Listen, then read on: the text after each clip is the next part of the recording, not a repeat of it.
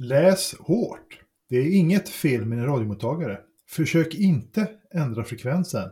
Vi kontrollerar nu etern.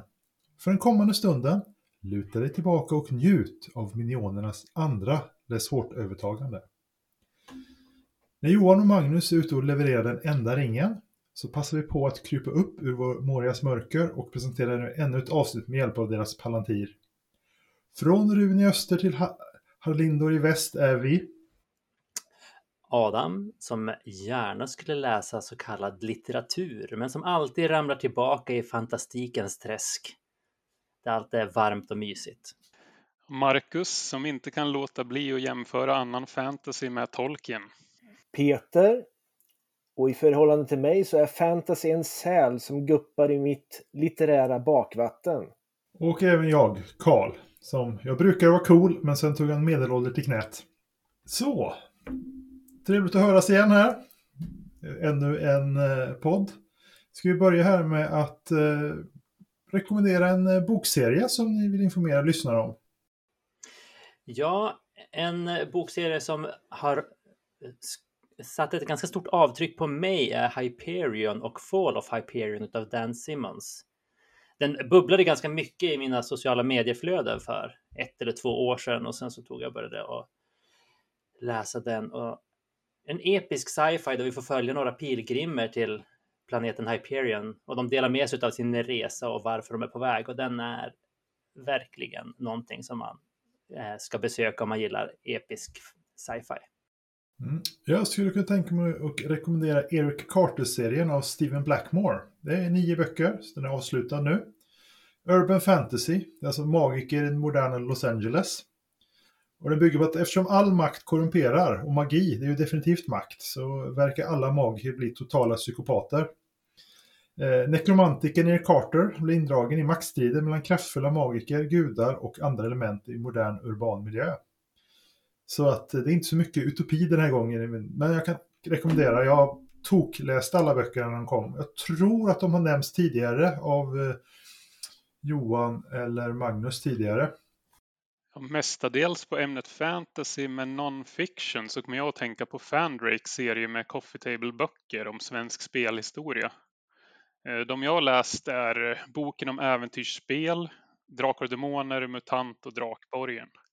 Alla är snyggt formgivna och matnyttiga. Eh, jag har ingenting särskild rekommendation att komma med. Jag snöade in på att det skulle gälla fantasy när den här frågeställningen kom upp inför den här inför det här avsnittet. Eh, och jag har inte läst särskilt många skönlitterära fantasyböcker så jag har inget bra tips här. Eh, min främsta erfarenhet av fantasygenren kommer däremot från serietidningar, film och, och rollspelsböcker. Men, men jag är mycket nyfiken och intresserad av att höra vad ni har för tips. Så de tar jag till mig. Ja, boken vi har valt till att diskutera denna gången.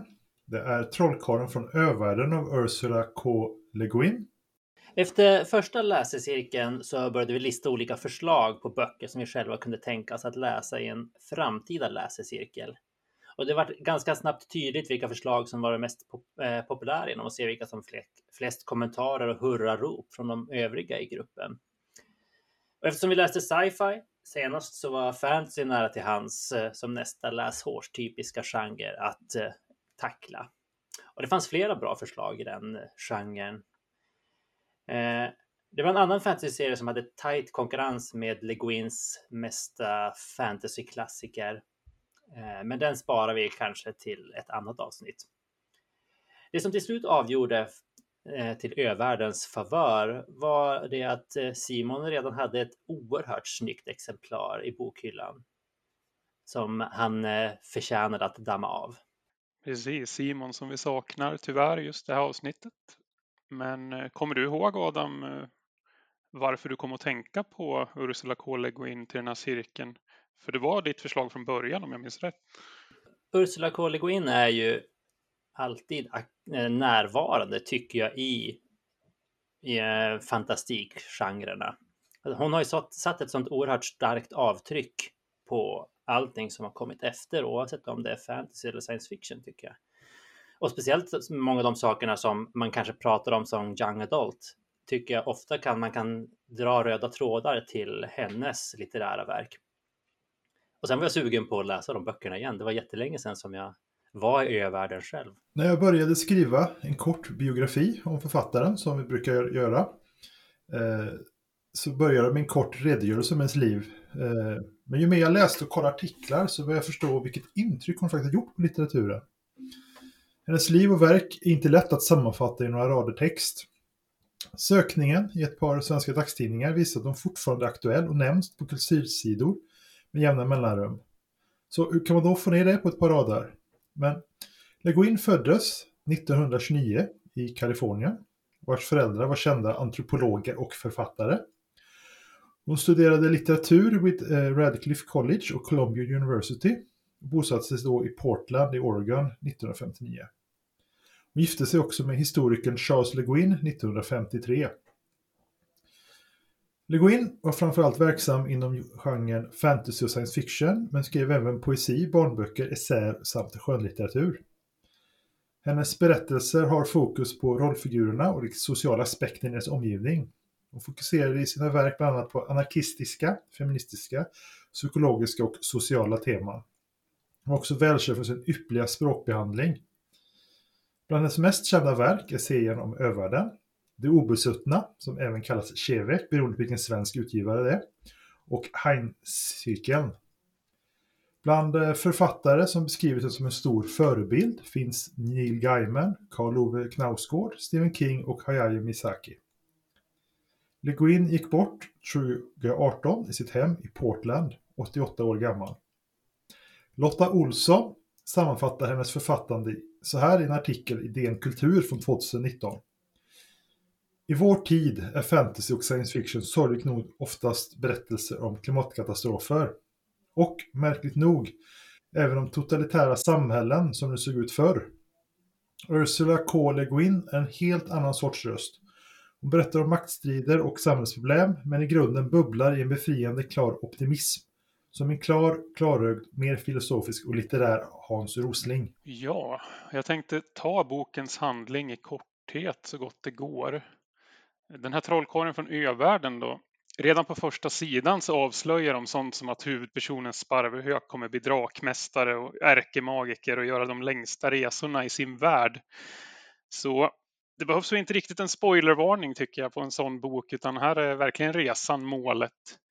Men jag tänkte inte avslöja allt eller slutet utan sammanfattar likt förra gången hur romanen tar sin avstamp och hur den centrala konflikten växer fram. Berättelsen tar sin början på en av övärldens många öar som heter Gont och som är känd för att trollkarlar kommer därifrån. I en liten by bor en pojke som kommer få flera namn, men som oftast kallas Sparvhök.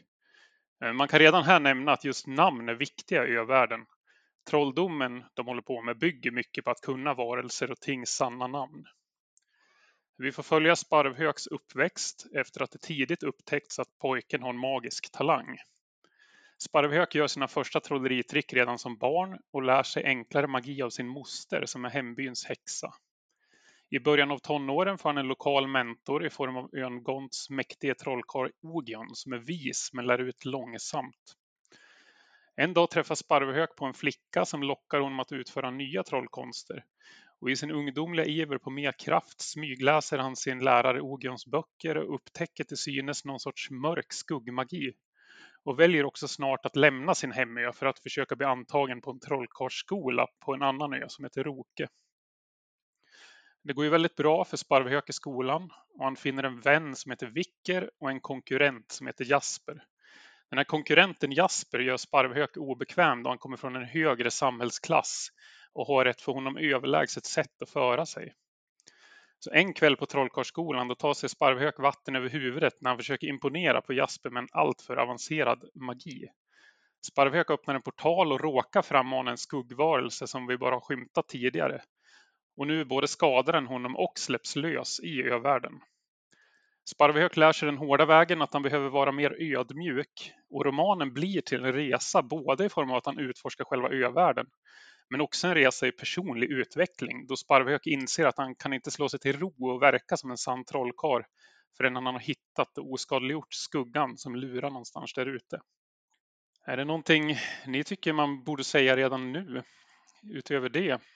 Det intressanta som du sa, det, det nämns ju från början där att vad kommer det för att det kommer säkert komma upp senare också, men Mm. det är ju mer en krönika än en berättelse hur, hur den beskrivs liksom. Väldigt lite dialog utan de berättar vad som har hänt. Ja, just det. Ja, det kommer vi helt klart kunna diskutera mer om. Har, har ni någon uppfattning om det redan när boken kom ut eller eh, så eh, om den lanserades som den första delen av en trilogi? Jag har inte tänkt på att kolla upp den saken, men har ni koll på det? Jag tror att det inte var planerat. Om jag för mig jag läst någonting om att det ändå var. Att de skrev den som en standalone. Och, men å andra sidan så slutet funkar ju verkligen till en fortsättning i den här världen då. Man är inte helt säker, men det är min uppfattning ändå. Att det inte var säkert att det skulle bli en serie. Ja, jag ninja-googlade lite snabbt på det här och eh, den var standalone från början. Men det blev en serie som sagt. En annan sak som kan vara nämna att den faktiskt gav ut 1968. Eh, vilket man kan sätta kontexten i den. Eh, om vilka ämnen de tar upp och sådär. Den har också filmatiserats två gånger. Eh, 2004 gjorde dåvarande Sci-Fi Channel Legend of Earthsea. Eh, en miniserie i två avsnitt. Eh, Den blev sågad av de flesta, inklusive Leguin. Den har jag inte lagt någon energi på att hitta. Eh, Däremot 2006 gjorde Studio Ghibli en animerad film, Tales of Earthsea, som fick blandad kritik. Eh, Leguin uttryckte blandade känslor om den. Jag kan säga, den passade på att titta och eh, ska ärligt säga att jag tyckte den var ganska obegriplig. Eh, har man inte läst böckerna så borde den vara ännu mer obegriplig eftersom de inte förklarar hur saker funkar. Men jag tycker att det borde ju kunna vara som en perfekt match med Leguins eh, rika, ganska optimistiska värld tillsammans med Studio Ghiblis eh, berättarstil och tecknarstil. Känns som att det skulle kunna bli någonting magiskt. Så det kanske är tur där att han inte fick göra Pippi när han var och besökte Stockholm istället gjorde Kickis Expressbud. Att han fick göra sin egen grej istället för att försöka anpassa någonting som han- Miyazaki brann för. Absolut. Hur, eh, hur läste vi eller hur upplevde boken? Skillnader och sådär. Eh, Själv läste jag ju den som på engelska som e-bok. Men jag passade också på faktiskt att lyssna på svenska första delen just för att jag ville se hur språket var. För att jag känner att en inbiten svensk språkforskare skulle nog kunna balla ut ordentligt med en översättning för att få den här krönikekänslan. Eh, språket kändes lite högtravande i början, men man vande sig. Jag har lyssnat på den engelska ljudboken som berättades av Harland, tror jag det var som läste den. Och eh, till skillnad från Neuromancer som vi läste tidigare så var Trollkarlen från övärlden en fröjd att lyssna på. Harlan Ellison hette han. Han läste med en väldig inlevelse, nästan som en sportkommentator ibland. Och vissa av de här mera intensiva scenerna så vart han som nästan alldeles andfådd mot slutet. Det var väldigt, jag tyckte att det var väldigt härligt att lyssna på. Ja, jag lyssnade också på ljudbok på engelska, fast med en annan uppläsare. Rob Inglis, som också är berömd för att ha läst in Tolkienböcker som ljudböcker. Han läste inte som en sportkommentator. Han läste på någon högtravande teaterengelska, skulle jag kalla det. Och att lyssna på den versionen kändes ganska sävligt tycker jag. Och det fanns stunder då jag nästan slumrade till under lyssnandet. Jag fick ta det i, i etapper. Och jag är rädd att jag missade några väsentliga detaljer i berättelsen, lite här och där i boken. Ja, jag läste den på fysisk bok på svenska. Eh, den är översatt 1977 av en Sven-Christer Svan som framstår som något av en gigant i litteratur och fantastik-Sverige. Då han har översatt flera andra kända verk och själv var både författare och litteraturkritiker. Jag upplevde språket som lite äldre än så. Men det var inte så mycket på grund av att det var mycket gammaldags ordval utan, utan det kan ligga något eh, helt enkelt i det att, eh, att det är lite högtravande för att det är en krönika då, som Karl redan påpekat och att det återspeglas i svenska översättningen också. Eh, den här boken som jag läste är utgiven 2003 med omslag av en Nils Petter Ekvall om ni kollar upp den. Numera verkar han vara specialiserad på detaljerade digitala stadsbilder. Så här var något helt annat. Och jag spekulerar i att man kanske vill eh, locka Harry Potter-fans med det här omslaget i tanke på att den släpptes ju när Harry Potter-hypen eh, brann. Och eh, här har vi liksom trollkaren framför ett slott med en fågel. Så det känns ju verkligen så här Hogwarts och Hedvig för mig. Och en lite kul grej också var att jag läste eh, en bok som är från biblioteket. Och eh, den har liksom mycket så här blyertsanteckningar och understrykningar i sig. Eh, så det, jag fick känslan av att det här är säkert en elev som har haft läsuppgift att läsa den här boken någon gång på tidigt 00-tal och liksom letat svar på lärarens frågor så. Så det var kul att se att den liksom har använts så. Men det är intressant där då med det omslaget att försöka hänga på i Harry Potter-vågen när den var initial där. När mm, Ursula Le Guin har sagt att hon ser vilka tydliga, hur mycket som Rowling har tagit eller blivit inspirerad utav Trollkarlen från övärlden utan att nämna Le Guin som en utav hennes förebilder. Oj, ja, det är frapperande i så fall. För vi har ju liksom en, en fattig pojke eh, upptäckt som magisk talang, går på trollkarlsskola. Han får eh, ett R som gör ont när hans fiende är i närheten. Det är liksom likheter som inte går att bortse ifrån. Det finns ju alltså, svårare med det här är just det här att eh, den har varit så stilbildande så det är många saker som dyker upp många olika ställen. Alltså, jag tänkte på magisystemet som användes i böckerna. Eh, och sen tänkte jag på Christopher Paulinis eh, arvtagare till tetralogin, Eragon. Eh, där har han ju bevisligen, eh, om vi ska vara snälla här och säga, blivit inspirerad väldigt kraftigt av det magisystemet. Så det är ju någonting som återkommer nog i många böcker. Men så är det ju helt klart. Det måste ju vara en av de mera stilbildande och banbrytande vad gäller namnbaserade magin. Även om namnskraft har haft eh, ganska stor roll i vissa ja, men, traditioner eh, annars också. Är det något annat intressant vi har tänkt på om eh, böckerna? För en annan del så är det, jag gillar alltid det konceptet i fantasy, eller andra genrer för den delen då, när man inte använder den klassiska tropen att han är en utvalde och då blir han på magisk sätt eller vad som helst bäst på allt direkt. Utan här är det, det krävs hårda studier och år av träning att behärska magin på övärlden. Man tar inga lätta genvägar. Ja, samtidigt så tycker jag att den utbildningen som han går att det går väldigt fort, att vi inte riktigt får följa med det genom boken, utan det är liksom, ja, är det första tredjedelen innan han lämnar akademin eller något sånt där, kanske första halvan. Och jag tycker att man hade kunnat fördjupa sig där och liksom ta fram fler olika figurer som var intressanta där, för nu är det ju den här lilla triangeln mellan ja, vännerna eller studiekamraterna Sparvhök och Eh, Jasper och den tredje som jag tappade just nu. Vicker. Ja, tack. Det, det, finns ju ingen... Deras relationer till varandra är ju väldigt stereotypa och eh, ja, de, de, de är tråkiga helt enkelt. De eh, är endimensionella kanske är ordet jag är ute efter. Ja, jag tänkte på det också när jag läste.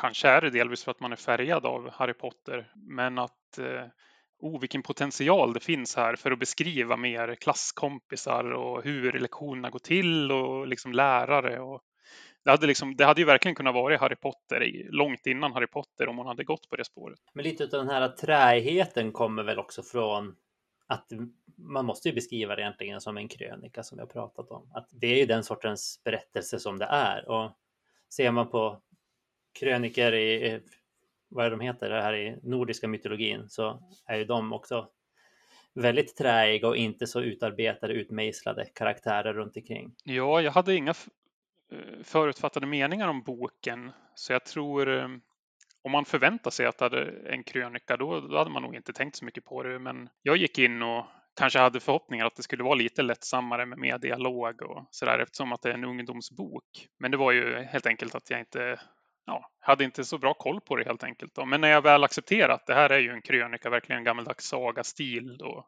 ja, kom jag in i det mer. Men det var någonting jag reagerade på jag också. Jag tänkte på att Sparröhös karaktärsutveckling är han eh, går ju från den här hetsiga hetsporren som lätt blir triggad att göra dumma saker. Men han lär sig ju inte direkt. Han gör ju dumma saker flera gånger Det är som att han behöver lära sig läxan flera gånger innan det sjunker in, innan det har blivit, blivit riktigt allvarligt så förstår han inte att han måste ta konsekvenserna av sitt beteende. Det var inte bara, inte, inte, jag tyckte det inte var riktigt bara det här du är utvald, här, här är svärdet i stenen, utan han, ja men lite grann utav de här himbo-dragen som vi pratade om i förra avsnittet. Ja, han vill liksom imponera på en tjej och han vill imponera ja. på den äldre killen. Precis. Jag ska visa Jasper att jag inte är någon getpojke. Ja, men det är väldigt mänskligt. Så det är en otroligt bra skildring.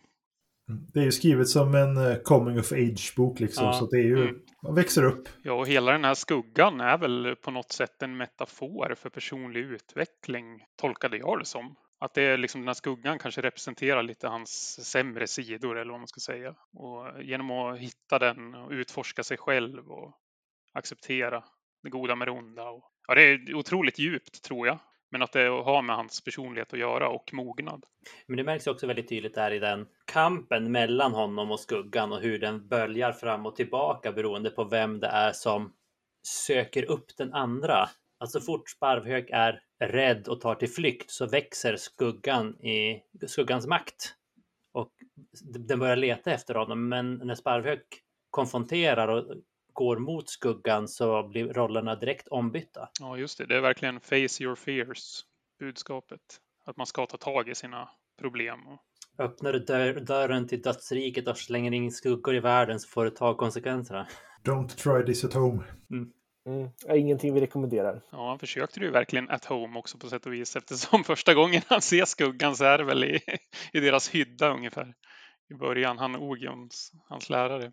Och det tyckte jag var coolt att skuggan liksom dök upp så tidigt och var med länge i boken. Och man liksom, det var ganska spännande då. Och eh, när ska den dyka upp härnäst och vad ska den ha för skepnad? Och jag tycker liksom den var Lovecraftiansk i liksom det här skrämmande mörkret och det okända. Ja, det var nästan, det var ju skräck stundtals faktiskt. Ja, absolut. När de dyker upp, de här ja, besatta människorna och liknande. Liksom. Det beskrivs ju väldigt ingående hur de inte är mänskliga. En annan sak jag tänkte på att eh, fantasy är också är väldigt mycket ofta svärd och det är eh, sköldar och det huggs.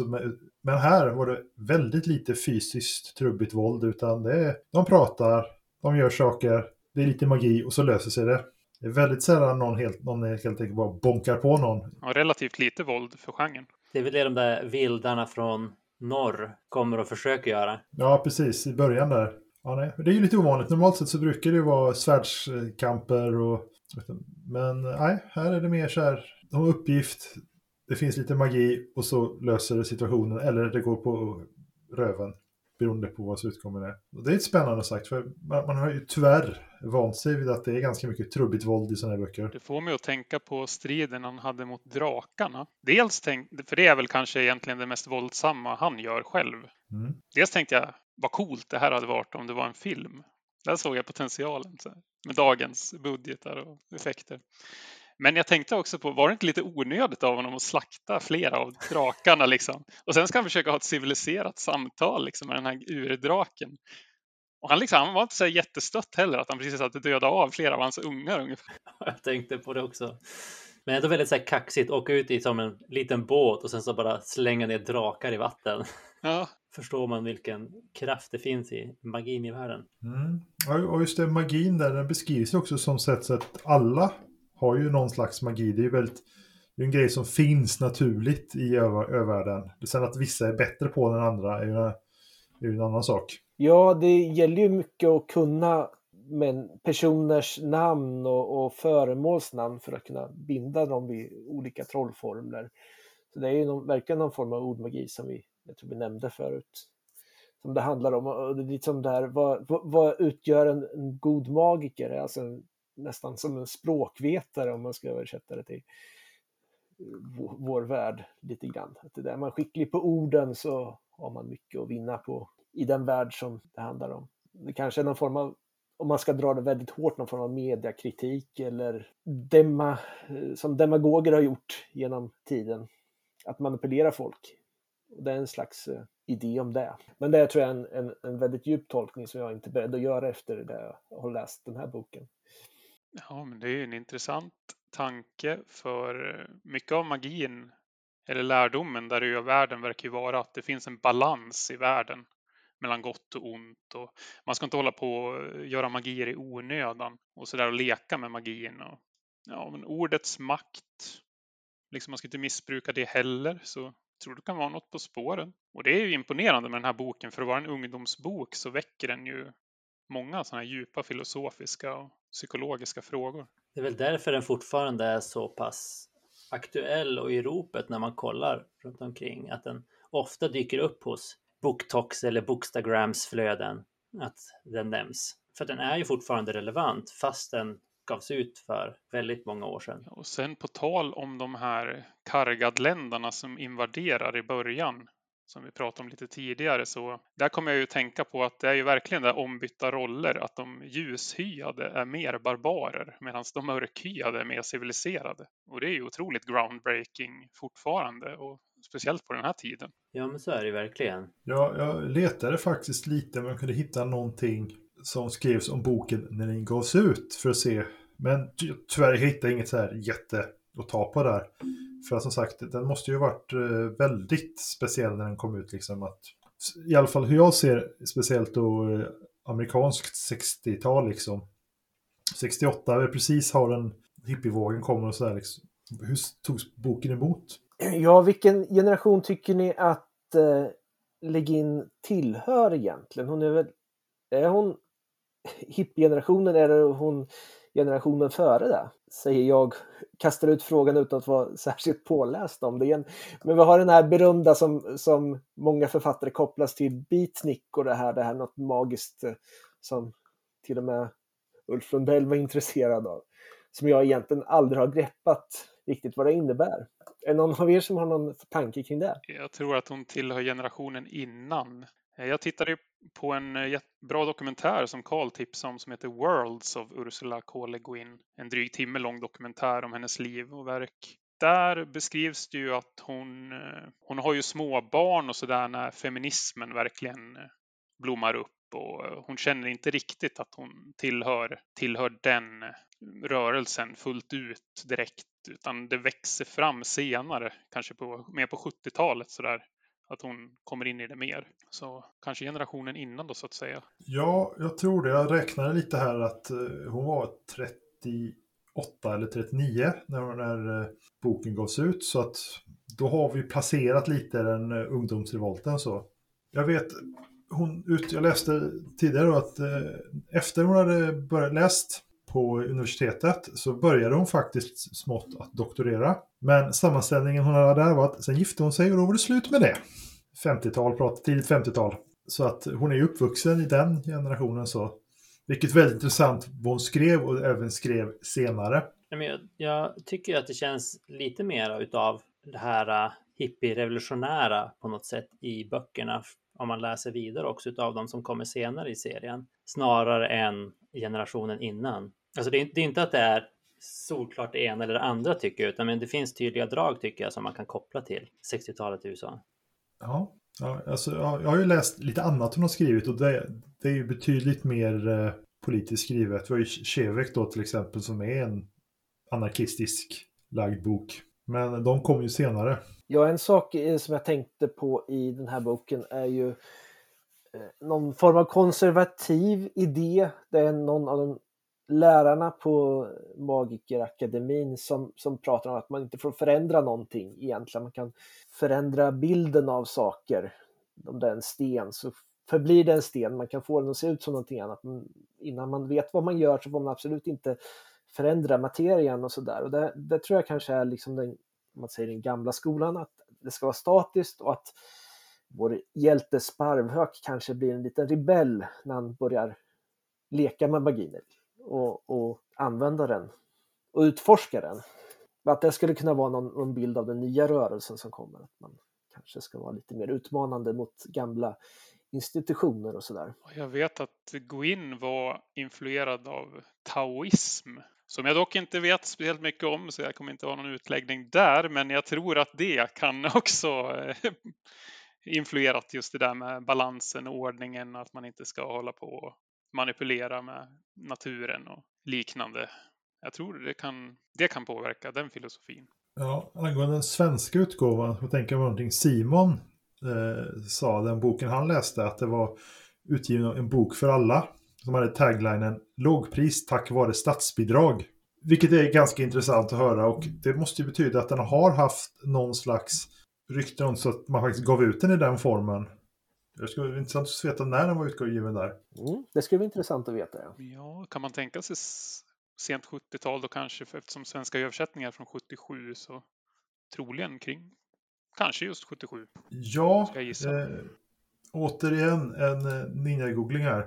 Eh, en bok för alla startade 76 eh, och existerade fram till 2007. Så att det, är inte, det låter nästan troligt att det skulle vara den utgåvan som, ut, som kom ut då. Men då på tal om eh, politik och liknande så eh, det är ju för, förvånansvärt få kvinnliga karaktärer tänkte jag på när jag läste boken.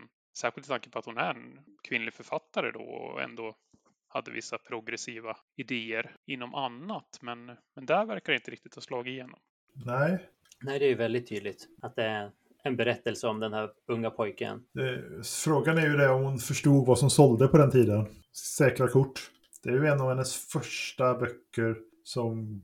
Det är den första stora boken hon gav ut om jag inte minns fel. Ja, hon fick väl verkligen i uppdrag att skriva den här boken och precis hade väl inte slagit igenom än så det kan ligga något i det att hon kanske inte riktigt vågade ta ut svängarna allt för mycket så tidigt i sin karriär. Den andra boken i serien har ju en, en eh, kvinna i en av huvudrollerna tillsammans med Sparvhök. Och den minns jag som mera intressant än vad den här boken, än vad jag minns den här boken som. Om jag ska försöker försöka komma ihåg hur jag kände kring dem när jag läste dem på högstadiet. Att den var mera någonting annat än det här klassiska upplägget.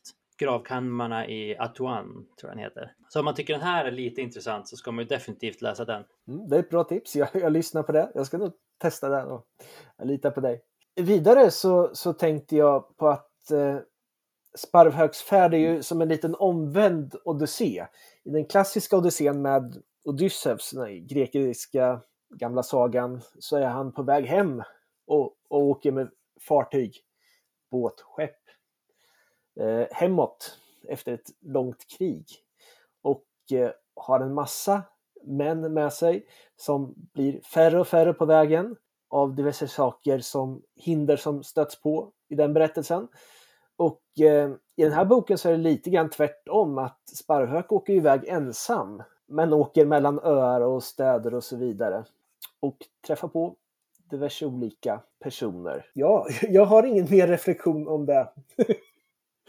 än att det, att det, det är ett, ett klassiskt grepp det här med resan.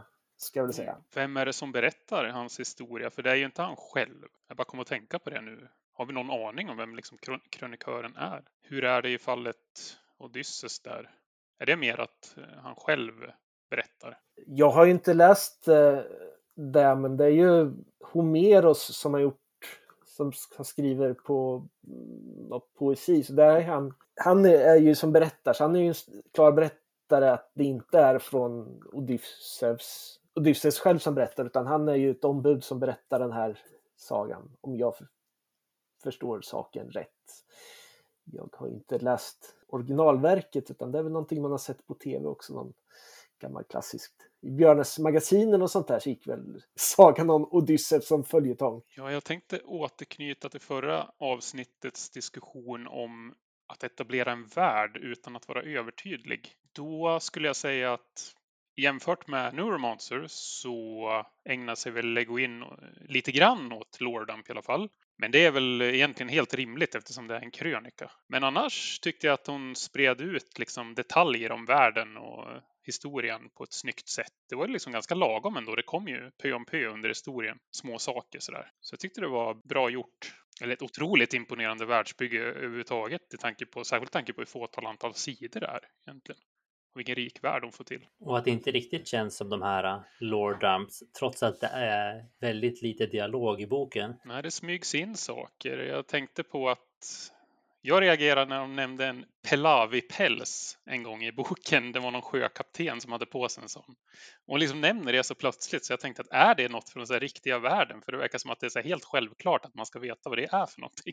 Och så googlar jag, hittar ingenting.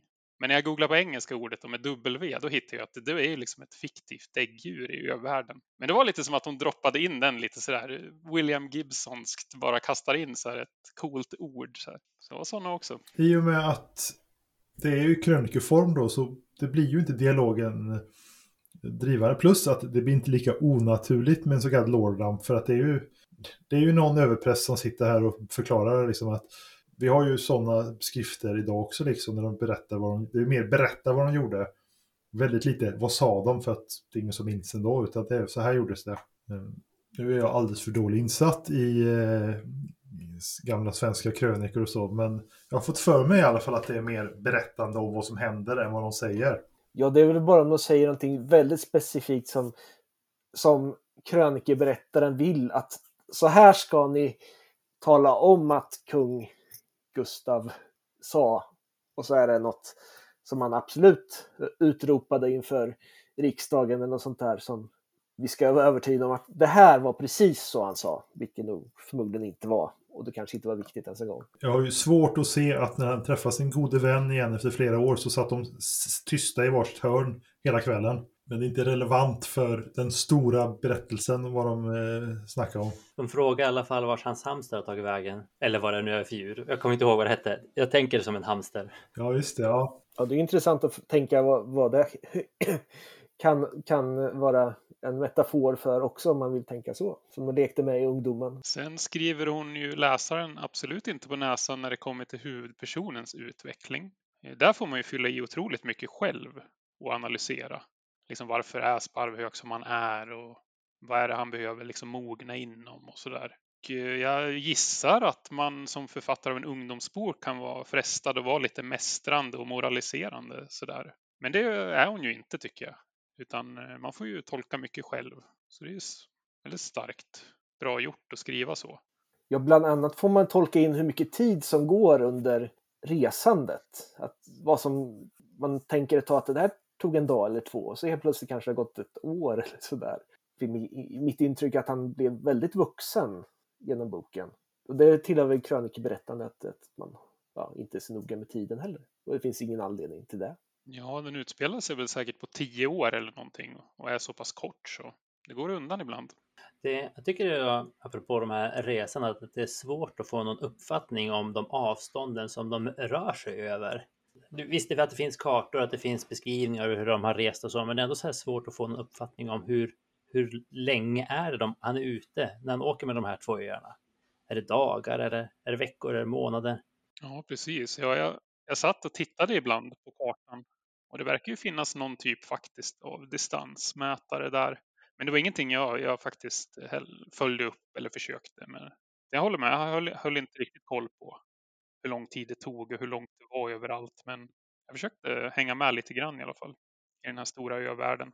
Och sen nu när jag inledde avsnittet med att säga att jag inte kan låta bli att jämföra med tolken så måste jag väl säga någonting. Och eh, hon bygger ju helt klart en helt egen värld. Eh, unik så. Men någonting som jag tänkte på det var ju att eh, de här sångerna och de mytolo mytologin och hur det liksom skildras påminner mig ju ganska mycket om Tolkiens berättarstil. Och eh, ibland var det sammanflätat både sång och mytologi. Om skapelsen av E, världen till exempel då, fick mig att tänka på Silmarillions skapelseberättelse som innefattar musik, Ainu Lindale. Men det ska ju dock sägas att Silmarillion publicerades ju nio år efter den här boken, så det är absolut, jag menar absolut inte att, eh, att det är lånat eller överhuvudtaget eller någonting sånt, men bara att det fanns fanns en likhet, men det är väl sagan på något sätt. Och både Tolkien och Le Guin var ju fans av nordisk mytologi till exempel. Då, så, och säkert andra historiska förlager som gör att det finns vissa likheter oavhängigt varandra. Ja, och eh, vad tyckte vi då om eh, boken? Var den bra, dålig, upplevelse, rekommendationer? Jag uppskattade den. Jag tyckte att det var väldigt härligt att återbesöka det och att nu lyssna på den istället för att läsa den. Särskilt när det var en så engagerad läsare. Så jag, kan, jag tycker att det här är en bok som man kan rekommendera. Jag gillar den. Jag tyckte det var en väldigt intressant läsupplevelse, vilket säkert framgått genom det här samtalet och alla olika frågor vi har problematiserat. Klassikerkänslan fanns ju absolut där. Eh, hon har ju mycket spännande idéer. Eh, man ska nog gå in då med liksom att det här är mer den här krönikesagan sådär direkt från början kanske. Eh, det finns mycket liksom att grubbla på. Jag tycker det här är en sån här bok som man känner sig klokare av att ha läst. Liksom. Verkligen en sån bok. Och jag skulle kunna tänka mig att den är väldigt nyttig om man har, eh, om, om den läses liksom av målgruppen, så ungdomar i sina formativa år. Och så har de gruppdiskussioner och man liksom fråga sådana här saker som vad representerade skuggan och liksom vad tycker ni om hur Sparvehök förändrades som människa och så där. Då kan jag tänka mig att det skulle kunna finnas mycket intressant att prata om. Sen om ungdomar idag fortfarande läser den här boken eller inte och kanske är någon som har erfarenheter från skolan eller egna barn eller någonting så dela gärna med er i så fall på Läs Hårts gruppchatt inte minst. Ja, Eh, jag kan säga att jag tyckte ju boken, det var, det var helt okej okay, liksom. Det, jag känner mig inte riktigt som målgruppen för boken. Men jag kunde definitivt se hur viktig boken var för, för vad fantasy idag. Eh, jag läste eh, Le Guins Chevek, eller The Dispossessed som den heter på engelska, i somras. Vilket var definitivt mer i min smak. Det är dessutom science fiction. Så att jag säger så här, vill man ge sig in på Leguin, börja med Chevek. Men är du total fantasy-nörd så ska du definitivt läsa Trollkarlen från övärlden. Den är ju definitivt, borde definitivt inkluderas i fantasy-kanon om böcker man ska ha läst inom fantasy-litteratur. Mm. Jag kan konstatera att eh, Trollkarlen från övärlden inte var riktigt i min smak. Men jag anar också att jag hade uppskattat den lite mer om jag läst eller lyssnat på den på svenska. Så att eh, om jag nu ger mig på nästa bok i serien så kommer det bli en svensk variant i alla fall. Så, om man gillar Trollkarlen från övärlden, vad skulle ni då rekommendera för böcker? Eh, själv kan jag rekommendera Sagan om Paxenarion av Elisabeth Moon. En liknande bok så mycket senare. Som min stora introduktion till fantasy, så den ligger väldigt varmt om hjärtat här. Och Elisabeth Moon är en författare som jag har fortfarande följer slaviskt när hon släpper nya böcker. Jag tycker att man kan ta och fortsätta att läsa vidare i Övärlden-berättelserna. Kravkammarna från Atuan och sen Den yttersta stranden tror jag de följande två böckerna. Sen har det kommit två, några stycken till senare också. Som, de har jag inte läst. Men de två andra som är skrivna i närtid med Trollkarlen från övärlden kan man ju definitivt kolla på om man gillar den här. Om man läser det här så kommer man ju se drag av det överallt sen i Eragon och i Harry Potter och i alla andra som har med coming of age i fantasyvärldar att göra. Ja, och med de orden så stänger vi boken för denna gången. Då finns det bara en sak att säga. Läs hårt! Läs, Läs hårt.